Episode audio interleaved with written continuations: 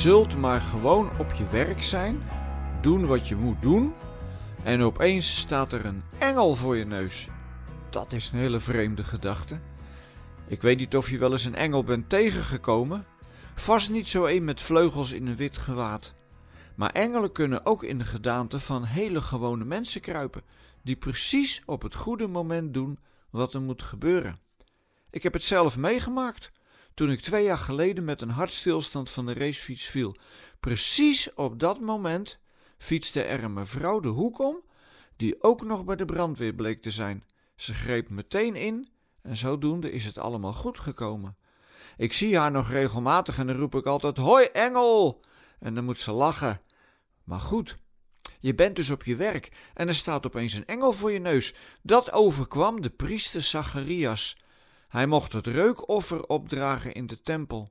Zacharias was een brave burger, net als zijn vrouw. Ze hadden altijd heel goed geleefd, onberispelijk. Alleen, de kinderwens was nooit vervuld. Dat doet altijd veel pijn.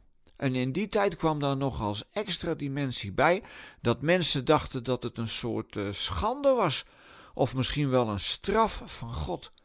En ze waren ook al op een leeftijd dat het biologisch eigenlijk niet meer kon. Blijkbaar hadden ze berust in hun lot, want je leest nergens dat Zacharias opstandig was. En dan is ineens die engel daar, die hun hele bestaan op zijn kop zet. Hij schrikt ontzettend en hij wordt door angst overvallen, waarop de engel zegt dat hij niet bang hoeft te zijn. Maar afgezien van de verschijning van de engel, kan ik me sowieso al voorstellen dat Zacharias het Spaans benauwd had. Als je je hele leven met een droom hebt geleefd die steeds kleiner werd en steeds meer barsten ging vertonen, raak je eraan gewend. Dan leer je leven met je frustraties. Niet dat je er vrolijker van wordt, maar wellicht kun je ze onder controle houden. En dan ineens wordt alles anders.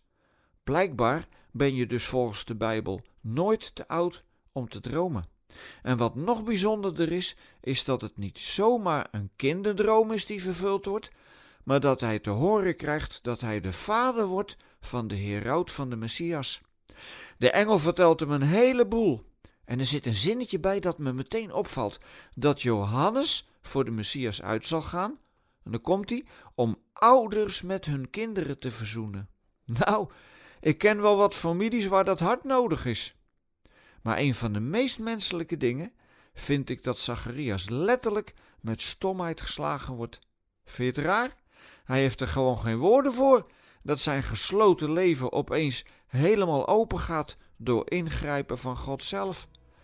Dat is eigenlijk meteen al kerst. God die het gesloten wereldbeeld van oorlog, honger, verdriet en uitzichtloosheid openbreekt en ons vertelt: Ik ga alles nieuw maken.